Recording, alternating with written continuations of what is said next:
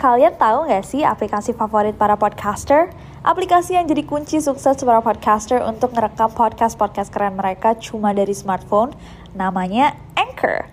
Anchor ini kalau aku bisa bilang adalah all-in-one app yang simple banget. Gak heran kalau para podcaster bilang bahwa aplikasi inilah kunci kesuksesan dari podcast-podcast mereka. Di Anchor, kalian gak cuma ngerekam suara, tapi juga bisa ngedit. Mulai dari rekaman, isi lagu, efek, dan lain-lain. Yang paling aku suka adalah karena Anchor ini super fungsional. Aku bisa langsung upload podcast aku ke Spotify atau platform lain langsung dari Anchor.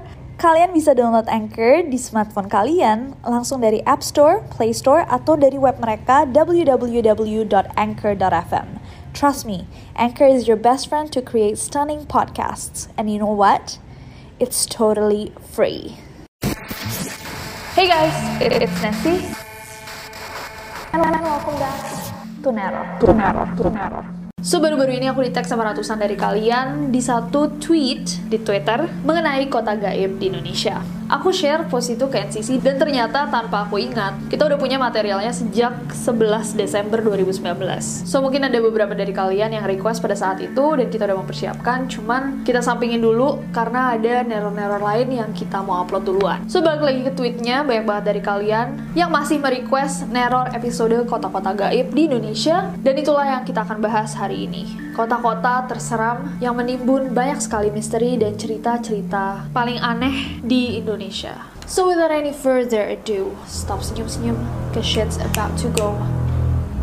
So, kota-kota gaib. Mungkin kalau kalian pernah baca atau dengar, kota pertama yang masuk ke otak kalian adalah Saranjana. We will talk about Saranjana, tapi kita akan mulai video ini dengan kota yang gak kalah seremnya. Ini kota Wentira di Sulawesi. Kota yang satu ini sempat sangat viral di masyarakat, bahkan sampai diliput beberapa stasiun TV. Kota Wentira atau Wentira ini merupakan sebuah perkebunan kopi yang terletak di hutan belantara di antara Kota Palu dan Kabupaten Mutong, Sulawesi Tengah. So, kabar-kabarnya dari cerita-ceritanya, kota ini adalah pemukiman bangsa jin yang tak kasat oleh mata manusia biasa. Jadi di mata manusia normal tidak bisa terlihat. Bahkan banyak orang juga yang percaya bahwa Wentira ini bukan hanya pemukiman jin, tapi merupakan istana jin yang sangat megah di mata orang-orang yang punya kelebihan, mereka bisa melihat kota yang megah dan maju seperti istana. Nah, di bagian depan kota Wentira ini terdapat tugu warna kuning yang dipercaya orang-orang merupakan gerbang untuk masuk menuju kota gaib. Dari cerita yang beredar, raja di kota ini merupakan sesosok jin yang memiliki tujuh panglima perang. Masing-masing panglimanya memiliki bala tentara yang jumlahnya bisa menutupi seluruh lautan di Indonesia. So, kalau misalkan kamu orang biasa, kamu datang ke Wentira, yang kamu akan lihat adalah hutan yang sangat lebat. Namun kalau misalkan kamu datang dan kamu memiliki kelebihan, kamu akan melihat kota yang sangat maju dan modern. So dari kesaksian seseorang yang mengaku memiliki kelebihan itu, pas dia datang ke Wentira, dia melihat kota yang sangat-sangat maju dan memiliki peradaban yang tinggi. Masyarakat di sana hidup dengan sangat makmur, tidak ada seorang pun yang hidupnya susah atau miskin. Kata dia alasannya karena Wentira ini memiliki harta karun yang jumlahnya tak terhingga. Seluruh bagian istananya terbuat dari emas murni, tapi jangan sampai kalian mencoba mengambil emas sedikit pun, karena nyawa kalian adalah taruhannya. Nah, seorang warga setempat nih yang tinggalnya nggak jauh-jauh dari hutan tadi itu berkata bahwa dia juga pernah ketemu sama salah satu warganya Wentira. Yang dia temui ini orang yang berpakaian serba kuning, wujud itu nggak beda sama manusia biasa, cuman yang membedakan adalah adalah dia tidak memiliki philtrum. Jadi philtrum itu lekukan ini nih. Antara hidung sama bibir kalian ada lekukan itu philtrum. Dan menurut orang ini, orang-orang Wentira itu tidak memiliki philtrum itu. Jadi lurus saja. Nah, tak lama setelah dia ketemu sama sosok ini, tiba-tiba sosok itu menghilang. So, selain cerita si orang yang ketemu warga Wentira ini, ada satu cerita lainnya yang cukup terkenal tentang seorang mahasiswi. Dari kisahnya, seorang mahasiswi dari perguruan tinggi di Sulawesi ini meminta omnya untuk nganterin dia ke Wentira Wentira. Akhirnya si paman, si om ini bilang, oke, okay, saya akan anterin kamu ke Wentira untuk bertemu pujaan hatimu. Diantarlah dia sama pamannya naik motor berdua. Sampailah mereka di depan hutannya Wentira itu dan dia bilang, oke okay, kita udah sampai, paman pulang saja. Nah dipercaya bahwa dia akan menikah dengan warga Wentira, tapi setelah Hari itu, tidak ada satu orang pun yang melihatnya lagi. Dipercaya jika manusia menikah dengan bangsa Wentira, mereka tidak akan lagi bisa kembali ke dunia nyata. So, ada beberapa aturan yang kalian harus ikuti jika kalian mau mendatangi Wentira. Satu, jangan pakai baju kuning, karena warna kuning itu adalah identitas mereka, dan rata-rata orang yang hilang di sana mengenakan baju kuning. Dua, tidak boleh berbicara sembarangan, dan tiga, kamu tidak boleh mengambil apa pun dari Wentira, terutama emas. Apakah kalian percaya dengan keberadaan Wentira? Komen di bawah. Next. Next ada Padang 12 di Ketapang. Kota yang satu ini terletak antara Kecamatan Pandawang dan Pasaguan Kabupaten Ketapang, Provinsi Kalimantan Barat. Lokasinya sekitar 30 menit perjalanan udara dari Bandar Supadio, Kota Pontianak. Sebagai orang biasa atau orang awam, wilayah yang satu ini hanyalah lahan sebesar 12 km square yang dipenuhi dengan pohon pinus dan ilalang. Itulah sebabnya kenapa wilayah ini disebut Padang 12. Namun, bagi mereka yang memiliki kemampuan khusus, mereka bisa melihat kota yang maju, bersih, dan sangat indah. Peradabannya dinilai sangat-sangat tinggi, ada rumah dan kendaraan-kendaraan yang sangat mewah, seperti Rolls-Royce Ferrari, Harley Davidson, dan lain-lain masyarakatnya sangat-sangat-sangat kaya, sampai sangat umum untuk mereka memiliki pesawat dan kapal pesiar pribadi. Tapi siapakah mereka? Masyarakat sekitar, khususnya masyarakat Ketapang, percaya bahwa penduduk kota yang satu ini adalah jin-jin muslim yang sudah ribuan tahun bermukim di wilayah itu. Uniknya seperti penduduk kota Wentira, mereka juga terlihat seperti manusia biasa, namun mereka sekali lagi tidak memiliki filtrum. Masyarakat Ketapang menyebut menyebut mereka dengan sebutan orang kebenaran atau orang limun. So ada beberapa pendapat mengenai siapakah orang-orang limun ini. Nah seorang warga Ketapang yang bernama Dodi bercerita bahwa dia pernah berinteraksi sama orang kebenaran ini. Dodi bilang bahwa aktivitas mereka layaknya aktivitas orang normal. Kadang mereka juga pergi ke pasar untuk membeli keperluan mereka. Tapi anehnya ketika bertransaksi, mereka ini menggunakan rempah-rempah sebagai alat transaksinya. Jadi bukannya uang, mereka pakai kayak kunyit, jahe, and other spices. Tapi setelah mereka membeli sesuatu dan para pedagangnya pulang ke rumah mereka masing-masing, rempah-rempah tersebut akan berubah menjadi emas. Selain itu dari riset yang kita lakukan, ternyata ada cerita yang sangat menarik dari salah satu musisi legendaris Indonesia, Roma Irama, yang katanya pernah manggung di sana. Nah menurut fansnya, itu pertama kalinya Roma Irama datang untuk manggung di daerah mereka. Tapi Roma Irama bilang, enggak, saya sebelumnya sudah pernah manggung di sini, tapi kok berubah ya kotanya? Eh hey guys, aku mau sedikit sharing sih seputar aplikasi keren yang aku gunain buat bikin podcast ini. Aplikasi ini tuh bisa di-download di App Store atau di Play Store, and it's totally free. Gak cuma buat ngerekam aja, Anchor juga bisa buat ngedit langsung rekaman kalian. Kita bisa langsung nambahin back sound, effects, tambah lagu, bahkan Anchor juga bisa mendistribusikan podcast kita ke berbagai platform lainnya. Kayak aku nih, biasanya aku langsung upload podcast aku ke Spotify langsung dari Anchor. Jadi di mana pun aku berada, aku bisa buat podcast aku kapan pun dan di mana pun aku mau. Karena dia super gampang, aku jadi suka banget nih sama Anchor ini. Daripada kalian kepo, mendingan kalian langsung coba aja buat podcast sendiri pakai Anchor. It's super simple and free. Soalnya dari ingatannya ketika dia pertama kali datang ke Ketapang, kotanya tuh sangat-sangat maju dan sangat megah. Makanya pas dia datang dia heran kenapa Ketapang berubah. Padahal fans-fansnya yakin itu kali pertamanya dia datang ke Ketapang. Nah orang-orang langsung berasumsi, oh mungkin yang dia datangi adalah Padang 12. Dan terakhir, menurut beberapa sumber, jika seseorang mendatangi Padang 12, terus melihat kemegahannya, lalu mereka pulang dan cerita ke orang orang lain kayak, eh gila, saya baru aja datang ke kota yang sangat-sangat megah, sangat-sangat maju di Ketapang. Keesokan harinya ketika dia bangun, dia akan lupa segala yang dia lihat di Padang 12. What do you think of Padang 12? Komen di bawah. Next.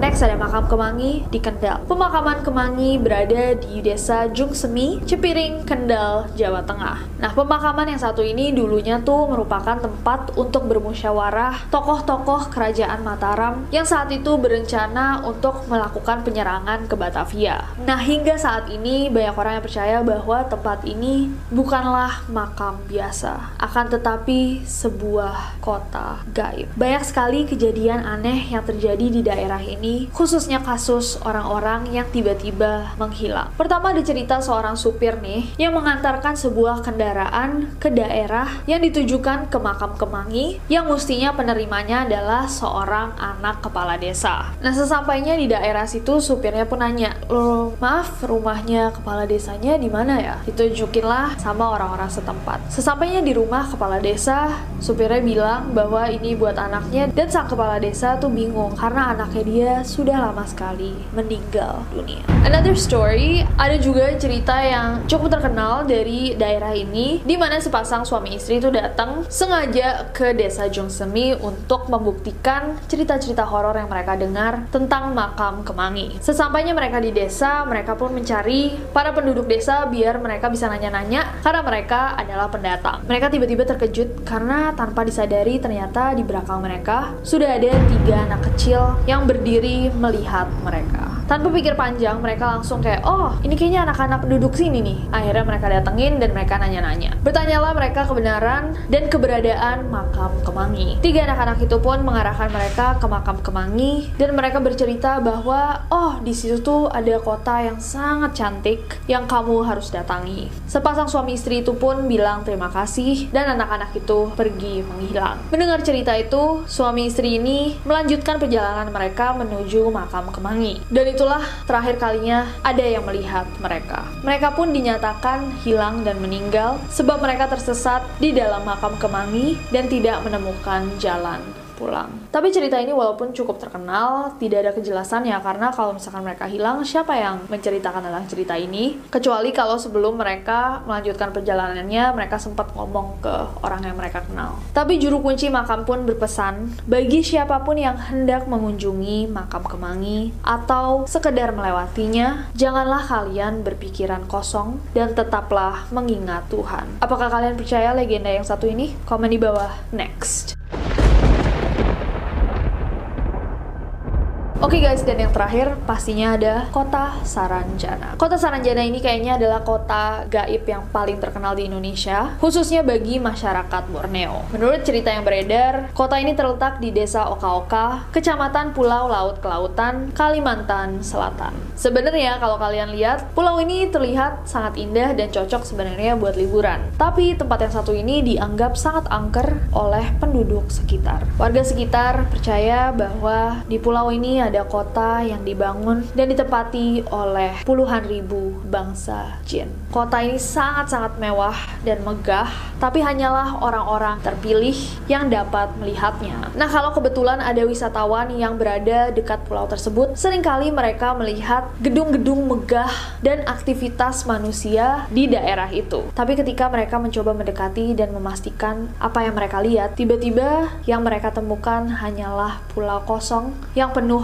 dengan pepohonan. Yang membuat kota ini lebih misterius lagi adalah bahwa kota ini tidak tercatat sama sekali di peta Indonesia. Mirip dengan kota-kota gaib yang tadi kita omongin, Saranjana juga dipercaya memiliki peradaban yang sangat tinggi. Dipenuhi dengan gedung-gedung pencakar langit, mobil-mobil mewah yang berlalu lalang, rumah-rumah yang sangat megah dengan pagar-pagar yang mengkilat, dan penduduknya adalah orang-orang yang dipercaya sangat harum dan rupawan. Jadi katanya mukanya tuh cakep-cakep banget, cowok, cewek, handsome and beautiful, dan mereka disebut sebagai orang Halimun oleh penduduk sekitarnya. Nah, dipercaya bahwa orang-orang Halimun ini adalah bangsa jin yang sekali lagi terlihat seperti manusia tapi tidak memiliki filtrum. Selain itu, kalau misalkan kalian ke Saranjana sehari, itu sama sama tujuh hari atau seminggu di alam kita. Jadi kalian di sana cuma satu hari, begitu balik, you've been gone for seven days. Kalian udah hilang selama tujuh hari. Nah, dipercaya bahwa kalian ini ini kalau misalkan diberi kesempatan untuk mengunjungi Saranjana, jangan pernah makan makanan mereka. Sebab kalau misalkan kalian makan makanan yang ada di sana, kalian akan terperangkap di kota itu selamanya. Nah, kalau kalian belum pernah dengar ceritanya, salah satu musisi Indonesia, Ari Lasso, sempat cerita di YouTube channelnya Karadit tentang pengalamannya ketika dia konser bersama ada band ketika mereka konser di tahun 2005 di Kota Baru, Kalimantan Selatan. Nah, Mas Ari ini bercerita bahwa sesampainya dia di kota tersebut, mereka tuh di brief layaknya kalian di brief kalau mau konser, tapi briefnya lumayan unik. Manajer gue dipanggil, kita di brief, tidak boleh melakukan banyak hal, dan manajer gue tidak boleh mandi. Sampai kita cabut dari kota itu. Nah, sampai akhirnya di waktu mereka konser. Dari kesaksiannya Mas Ari, dia melihat sangat banyak penonton yang datang pada hari itu. Jumlahnya bisa sekitar 12.000 orang. Walaupun sebelumnya dia udah sempat di brief, nanti kalau misalkan penontonnya terlihat sedikit aneh, diamkan saja. Dia nggak melihat sesuatu yang menurut dia mencurigakan, selain bahwa penonton-penonton ini terlihat berkelompok. Jadi dari yang muda sampai yang tua, mereka kelihatan kayak kelompok-kelompok gitu. Tapi yang menurutnya cukup aneh adalah bahwa di stadion ini tuh cuma ada satu entrance. Jadi orang cuma bisa masuk lewat satu tempat. Dan bukan saja orang yang masuk, bahkan mobil pun bisa masuk. So he did what he had to do. Dia konser, dia bernyanyi, dan setelah dia selesai bernyanyi, dia keluar dari panggung dan langsung masuk ke mobil. Dan mobilnya ini mestinya harus membelah di tengah-tengah para penonton dan keluar dari stadion. Namun saat dia sampai di mobil, dia sadar bahwa tadi rasanya ada 12.000 orang.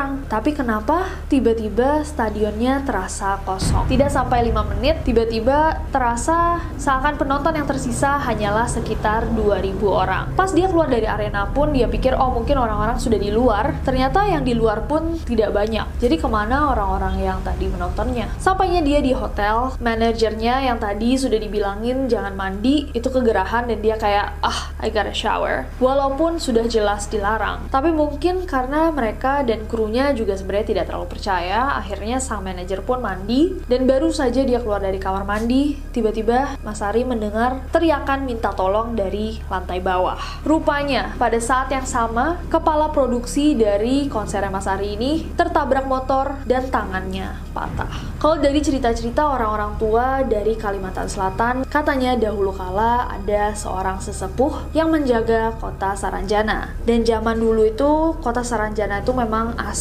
ada, makanya dia juga terdaftar di petanya Belanda untuk Indonesia. Namun dari kisahnya, sang sesepuh ini suatu hari pingin naik haji. Tapi sebelum dia meninggalkan Saranjana, agar Saranjana tidak diserang oleh Belanda, dia membuat Saranjana seluruh kotanya dan isinya juga orang-orangnya tidak terlihat. Pergilah dia menunaikan haji, namun sampainya di Mekah, dia meninggal. Dan dari kisahnya, sampai hari ini, Saranjana tidak lagi bisa dilihat. Kisah yang paling terkenal tentang Saranjana ini adalah kisah tentang alat berat. Jadi di tahun 1980, pemerintah setempat dikagetkan oleh tiba-tiba datangnya alat-alat berat pesanan dari Jakarta. Nah, dipercaya alat-alat berat ini obviously mahal banget kan. Harganya bisa ratusan juta sampai miliaran, tapi semua ini sudah dilunasi. Ketika datang, pemerintah setempat dan orang-orang pada bertanya, "Loh, ini buat apa ya? Pesanan siapa? Di mana?" Dan perusahaan yang mengantarkan alat-alat berat ini bilang, "Ini dipesan untuk kota Saranjana."